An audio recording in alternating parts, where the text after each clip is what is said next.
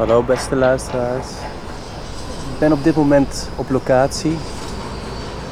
Ik zit eigenlijk zo ongeveer onder het havengebouw in de haven van Antwerpen.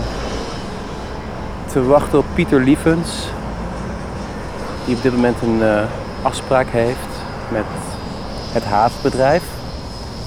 Om daar in het kader van de WOP, de Wet Openbaarheid van Bestuur, uh, heeft hij inzage uh, gevraagd in de documenten die de investering van 2,7 miljard van Ineos in uh, twee installaties hier in de haven van Antwerpen. Um, in die documenten heeft hij inzage gevraagd. Dus ik zit nu te wachten tot hij klaar is met zijn afspraak. Volgens mij, volgens mij zie ik Pieter daar. Hey, hallo, goeiedag. Even voor, we hebben eerder bij de, op de radio ook al uitgebreid aandacht aan, uh, aan Ineos en uh, de investering in de Antwerpse haven uh, besteed. maar voor luisteraars die net intunen ja, ja, en de eerdere episodes niet hebben gehoord, zou jij misschien kunnen samenvatten wat Ineos is en wat de investeringen van 2,7 miljard in de Antwerpse haven, waar dat precies in geïnvesteerd wordt? Ja, dus Ineos is een petrochemisch bedrijf. Maar ondertussen zijn zij eigenlijk ook heel veel met uh, fossiele brandstoffen bezig, met name voor uh, schaliegas. En zij uh, zijn van plan om een propaan-dehydrogenatie-installatie te bouwen in de Antwerpse haven en een, een, etheen, een etheenkraker. En die beide installaties die zullen ehm, die, een grondstof aanleveren die vooral in de plastic-industrie gebruikt wordt. En die plasticindustrie uh, die gaat dat dan verder omzetten naar verpakkingsmateriaal, maar ook naar tal van andere uh, petrochemische producten. En die petrochemische producten worden enerzijds gemaakt met uh, schaliegas, dat is de grondstof daarvan. Als, als grondstof om het product te maken, maar eigenlijk ook als energiebron om eigenlijk dat uh, chemisch proces eigenlijk te, aan te sturen ja, en eigenlijk de, de brandstof, de energiebehoefte daarvoor eigenlijk te, te, te dekken. Mm -hmm. Misschien het bedrijf zelf, uh, daar ja. kan ik ook nog wel iets over zeggen. Dat is eigenlijk een, een bedrijf dat, dat niet beursgenoteerd is. Dat betekent dat er eigenlijk weinig informatie, publieke informatie voorhanden is. Het is eigenlijk voor de helft eigendom van Jim Radcliffe en voor telkens 25% van twee andere mensen die uh, samen eigenlijk ja, de rijkste mensen uh, ter wereld vormen. En ja. die um, ja, dit bedrijf uh, ja, hebben omgevormd tot een, een zeer uh, complex bedrijf dat, dat meer dan 100 uh, productiefaciliteiten heeft wereldwijd. Mm -hmm.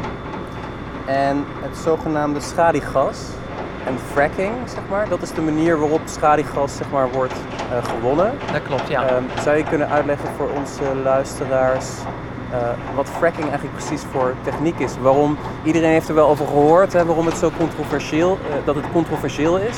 Maar het, het, is voor veel mensen vaak onduidelijk waarom het controversieel is. Zou jij kunnen uitleggen ja, wat, wat het controversiële aan fracking is?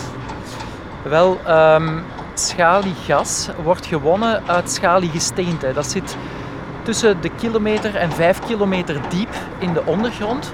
En dat is een heel poreus gesteente. En wat men doet om daaruit gas en in sommige gevallen ook olie daaruit te winnen, dat is uh, eigenlijk uh, boren tot op dat schaliegesteente, dus tot op bijvoorbeeld 2 kilometer diep.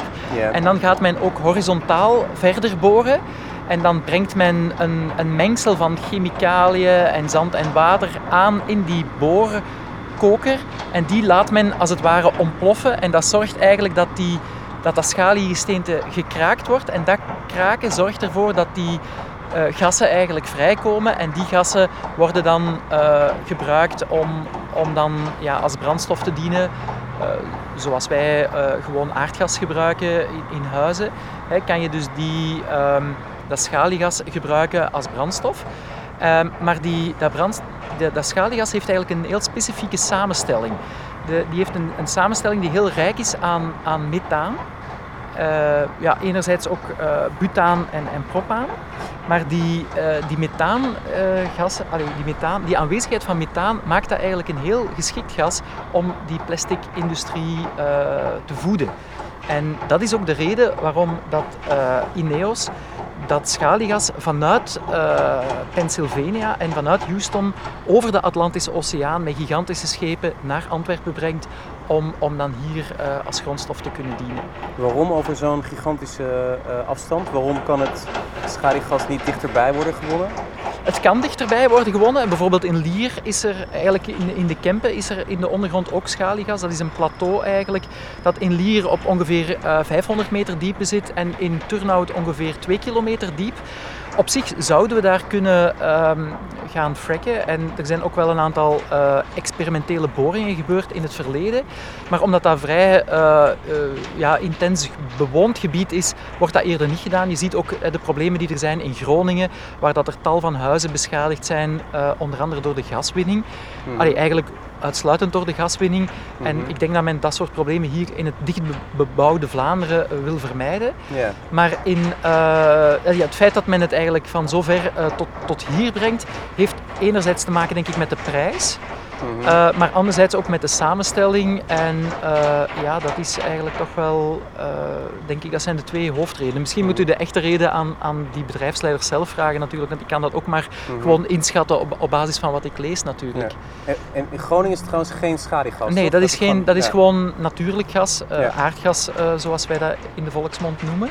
Ja. Maar ook daar zie je dat, dat elke winningsgebieden specifieke eigenschappen hebben.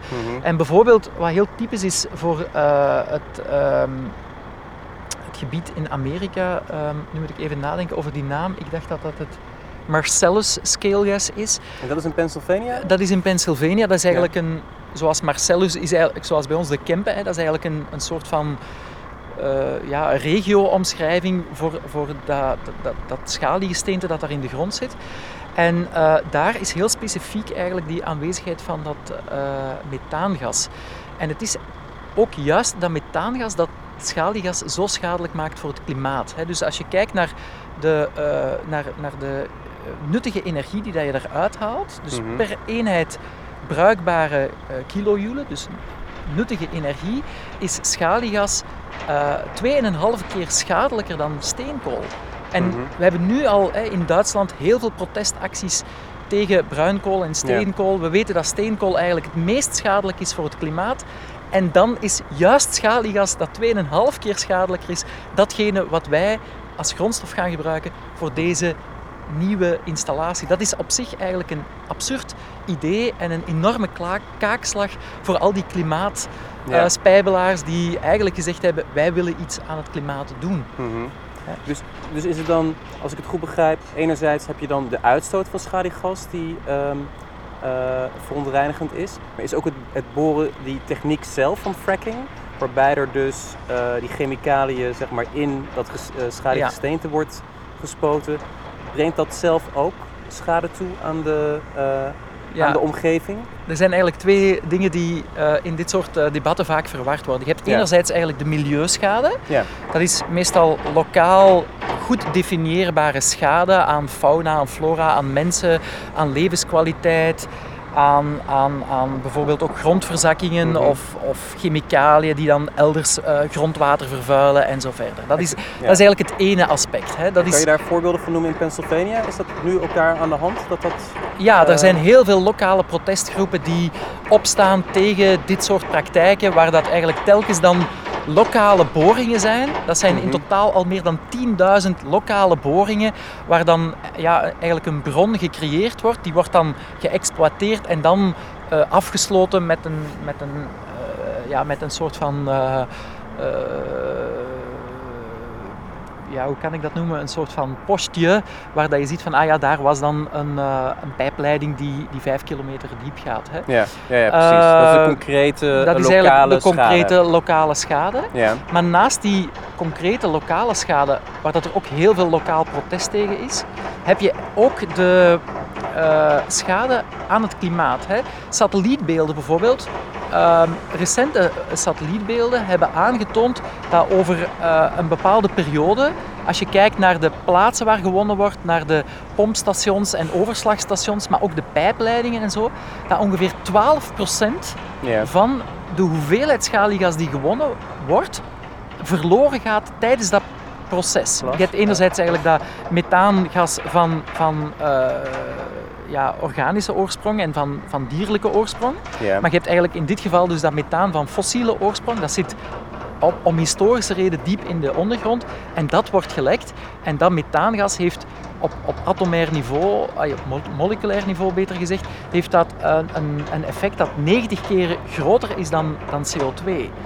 En, en daardoor eh, is, zijn die methaanlekken zo schadelijk voor het klimaat. Eh, jullie zijn met een actiegroep begonnen. Antwerpen schaliegasvrij is, Ja, de, is de naam. En die wordt binnenkort gelanceerd. Zou je daar meer over kunnen vertellen? Ja, we hebben al heel wat acties gedaan. We zijn ook al verschillende keren in de media gekomen. En ehm, ja, de, eh, de aanleiding voor de lancering is eigenlijk vooral het feit dat, dat Ineos, eh, naar aanleiding van de Tour de France eigenlijk, en het, het kopen van het vroegere Team Sky, wat eigenlijk het grootste wielerteam ter wereld is, ehm, ja, ze hebben dat, dat wielerteam gekocht met de bedoeling eigenlijk hun gitzwart klimaatimago wat op te poetsen. En, en eigenlijk kunnen ze dat niet oppoetsen. Dat is zo zwart dat dat eigenlijk zelfs geen greenwashing kan genoemd worden.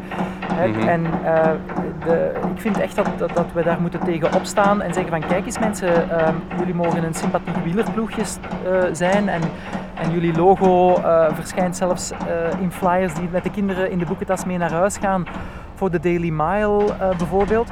Maar ehm, eigenlijk is dit een eh, vorm van PR-campagne die ons iets doet slikken wat als je er echt in detail naar kijkt niemand van ons echt wil en ook in de toekomst nooit zal willen. En mensen die nu zitten te luisteren en bezorgd worden door het verhaal, maar ook geïnspireerd raken misschien om iets te doen, eh, kunnen die zich ook aansluiten bij de actiegroep of helpen of, of, of ergens informatie vinden? Ja, we hebben eh, op dit moment eh, een website online, dat is schalievrij.be. Ze kunnen ook eh, aansluiten bij de mailinglijst, waarin dat je bijvoorbeeld kan aangeven hoe je je kan engageren. Ehm, wij hebben eigenlijk ook een aantal werkgroepen die ja, acties zullen ondernemen. Wij zullen zeker nog heel wat specifieke aspecten van, van dit project in de kijker brengen. Eh, de werkgroep Stop Ineos bijvoorbeeld, dat heel specifiek gaat over deze installatie, zal allicht ook nog onderzoeken hoe de financiering gebeurt, hoe de relatie precies is met dat eh, emission trading system. Ook eh, rond, rond heel wat milieuwetgeving en de kraker en, en de fakkel en zo verder zal nog heel veel ehm, moeten uitgeklaard worden. En we staan, dat beseffen wij als werkgroep en als, als burgerbeweging heel goed, we staan voor een proces van twee, drie jaar waarin dat echt een, een heel eh, zorgvuldig geplande strijd nodig zal zijn om, om dit eh, fundamenteel bij te sturen. Want dat is wat het echt nodig is. Het is echt nodig om dat fundamenteel bij te sturen. Het gaat niet meer over wat eh, morrelen in de marge. Het gaat echt over totaal anders kijken naar wat wij nodig hebben voor onze toekomst. mhm. En dus als burgers willen aansluiten, eh, zijn ze zeker welkom om daarmee over na te denken en om daar met ons over eh, in dialoog te gaan. Hè. Iedereen die ziet dat, dat dit niet eh, in overeenstemming te brengen is met het Parijsakkoord, is, is welkom om daarmee over na te denken. Eigenlijk moet ik het zeggen, wij hebben hier in Antwerpen een afspraak met de geschiedenis. Wij hebben heel vaak eh, gescandeerd of horen scanderen: red de planeet, eh, red het klimaat en zo verder. Maar op een bepaald moment moet dat concreet worden. En deze Mhm. investering, deze bijkomende installaties, niet alleen door Ineos, maar ook door Borealis, die ook een uh, propaan-dehydrogenatie-installatie aan het bouwen zijn, of zullen bouwen, of mogelijk zullen bouwen, die, die zijn als het ware echt een testcase voor het klimaat. Neemt Mhm. onze regering, nemen onze bestuurders, neemt onze haven, nemen die die klimaatuitdaging nu ernstig of niet? Mhm. En dat is eigenlijk in essentie waar het over gaat. Ja, worden de En- klimaatmarsen ook omgezet naar, naar, Naar concreet, concreet beleid? Ja. Ja, en dan, als je dan kijkt van hoe kan dat vertaald worden in concreet beleid, dan is die, dat Mhm. an- antwoord eigenlijk heel duidelijk. Als we weten dat schaliegas 2,5 keer meer klimaatverandering veroorzaakt dan, dan steenkool per eenheid energie, dan is de, het verbod op schaliegas is eigenlijk de makkelijkste en de meest haalbare en de maatregel die het meeste effect zal hebben, gewoon de import van schaliegas verbieden. En dat kan Europa vandaag, morgen nemen, die keuze. Die keuze kan Antwerpen maken, die keuze kan Gent maken, die keuze kan Zeebrugge maken. Om te zeggen, schaliegas komt niet meer binnen. Net zoals jij in uw gezin kan zeggen, uh, ik koop geen bananen meer die niet het Fairtrade label dragen. Mhm. En uh, ja, iedereen die, die mee die keuze wil maken, die is, uh, die is bij ons uh, welkom. Mhm. De doelstelling van Antwerpen schaliegasvrij is heel duidelijk van kijk, de, het verbod of, of het, het, zwaarder belasten van de import van schaliegas is uh, de beste en de makkelijkste klimaatmaatregel die we kunnen nemen. Dat is eigenlijk de doelstelling van uh, Antwerpen schaliegasvrij. Maar bijvoorbeeld de, de werkgroep Stop Ineos heeft eigenlijk juist als doelstelling kritisch naar dat specifiek project te kijken. En ook uh, bijvoorbeeld de, de, marketingstrategie en de PR uh, via de Tour de France van Ineos mee uh, in het daglicht te stellen. En bijvoorbeeld ook de, de milieuwetgeving die zij totaal niet respecteren in het Verenigd Koninkrijk mee in beeld te brengen. Dus daar wordt er dan eerder toegespitst op het stoppen van Ineos.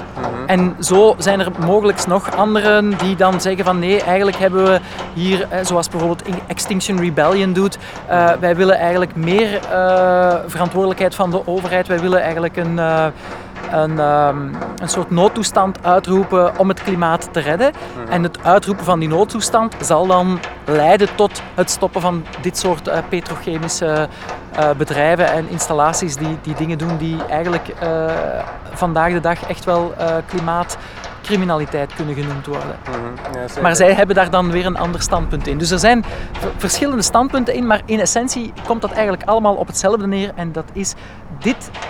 Dit, dit, deze projecten zijn niet verzoenbaar met, met, klim, met uh, de klimaatdoelstellingen van Parijs. Mm -hmm, dat is duidelijk. Je had het nu over klimaatcriminaliteit en uh, Extinction Rebellion.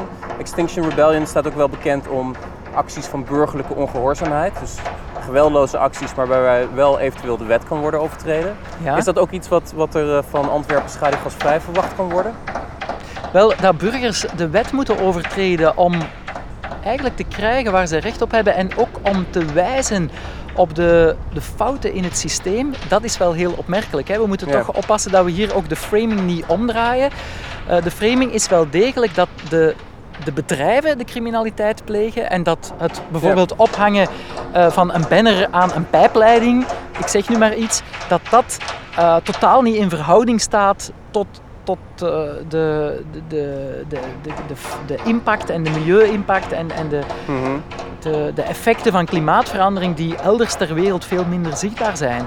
Dus ja, eigenlijk vind ik dat jammer dat, dat dat soms, de, de, acties van Extinction Rebellion, dat dat soms geframed wordt als van uh, dit is de wet overtreden. Nee, het zijn eigenlijk de anderen die een, een soort basiswet in onze samenleving van, van voorzichtigheid, van denken aan de toekomst, het, Mhm. het zorgen dat uw kinderen het goed hebben en uw kleinkinderen het goed hebben, daarvoor zorgen, dat is eigenlijk wat er centraal staat en niet het, het, uh, het, Nee. het protesteren en, en die middelen, ja, daar kan je dan over, protest- allee, daar kan je over discussiëren, maar als je die middelen al moet eh, gaan hanteren om dan in de media te komen, dan kan je eigenlijk wel inbeelden hoe erg het gesteld is. Mhm, Eigenlijk, ja, hè. precies. Dus soms vraagt klimaatcriminaliteit om acties van burgerlijke ongehoorzaamheid of burgerlijke ehm rebelsheid om het aan de kaak te stellen. Misschien is dat beter geframed. Ja, zo- je moet ook beseffen, zo'n eh zo'n wielrennerploeg als Ineos heeft een totaal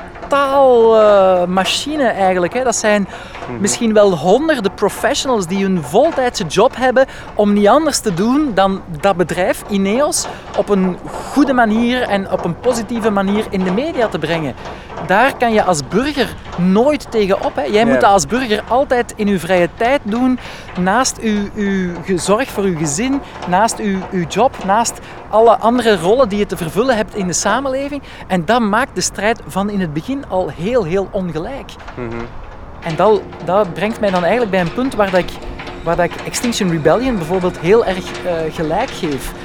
We zitten op dat vlak in een soort van padstelling en als je alle systemen met elkaar in verband brengt. Dus het energiesysteem, het voedselsysteem, het transportsysteem, het, het, het, ook die, die industriesystemen en de technologische systemen die daarmee samenhangen, dan is eigenlijk de enige juiste maatschappelijke conclusie voor mij het ontgroeien eigenlijk. Van, eigenlijk moeten we maatschappelijk kiezen om, om die verdere groei van dat soort installaties te, te verminderen. Omdat dat Mhm. juist de gemakkelijkste stap is om dan eh, ja, eh, klimaatverandering eh, tegen te gaan, om biodiversiteit te behouden en om een stabiele voedselprijs te garanderen. Hè, er, is geen, er is geen eenvoudig antwoord. Het enige eenvoudige antwoord is eigenlijk ja, eh, het, het, eh, het ontgroeien van de economie voor een stuk. Maar ik zeg het heel duidelijk, hè, voor een stuk in bepaalde sectoren. Hè. Mm. Ik denk dan specifiek aan bijvoorbeeld militaire eh, dingen. Ik denk heel specifiek aan zeer vervuilende industrie. Ik denk bijvoorbeeld ook aan een vier dagen werkweek. Ik denk bijvoorbeeld ook aan heel veel sociale oplossingen om eh, te komen tot eh, minder eh, plastic eh, productie. Hè. Bijvoorbeeld denk aan een grasmaaier of zo. Heel veel plastic componenten kunnen eh, verminderd worden door een grasmaaier met, met meerdere buren samen te gebruiken bijvoorbeeld. Ja. En zou dat eigenlijk ook voor de haven betekenen dat, dat, dat de haven eigenlijk moet ontgroeien zelf? Ja, eigenlijk eh, heeft de haven een, een visiedocument dat zegt wij willen, en ook Vlaanderen heeft dat visiedocument, hè, we willen tegen 2050 naar een circulaire economie. Ja. Nu de vraag is, hoe definieer je een circulaire economie? Maar ik denk dat een haven, waar dat goederen vanuit de hele wereld eh, aan en afgevoerd worden, en een circulaire, meestal lokale economie, dat is eigenlijk een contradictio in terminis. Je kunt niet een circulaire economie willen en een groeiende of een duurzaam groeiende haven. Eigenlijk moeten we daar fundamenteel over nadenken in onze samenleving. Willen we een, een haven die, die verdere globalisering onderschrijft en die eh, gezien de, de, de klimaatimpact ook van transport en van al die logistieke processen die daarmee samengaan, eh, die, die dat nog wenselijk vinden vandaag de dag. Misschien is het houden van een stabiel klimaat veel wenselijker dan eh, economische groei. Mhm. Ik wil, eh, wil jou hartelijk bedanken voor dit gesprek, Pieter Lievens, namens eh, Antwerpen Schadigasvrij vanuit de haven. Graag gedaan, hopelijk tot een volgende keer. En we zullen zeker nog verdere acties ondernemen en eh, er zullen zeker nog gelegenheden komen waarbij Antwerpen Schaligasvrij eh, in de media of op de radio zullen komen.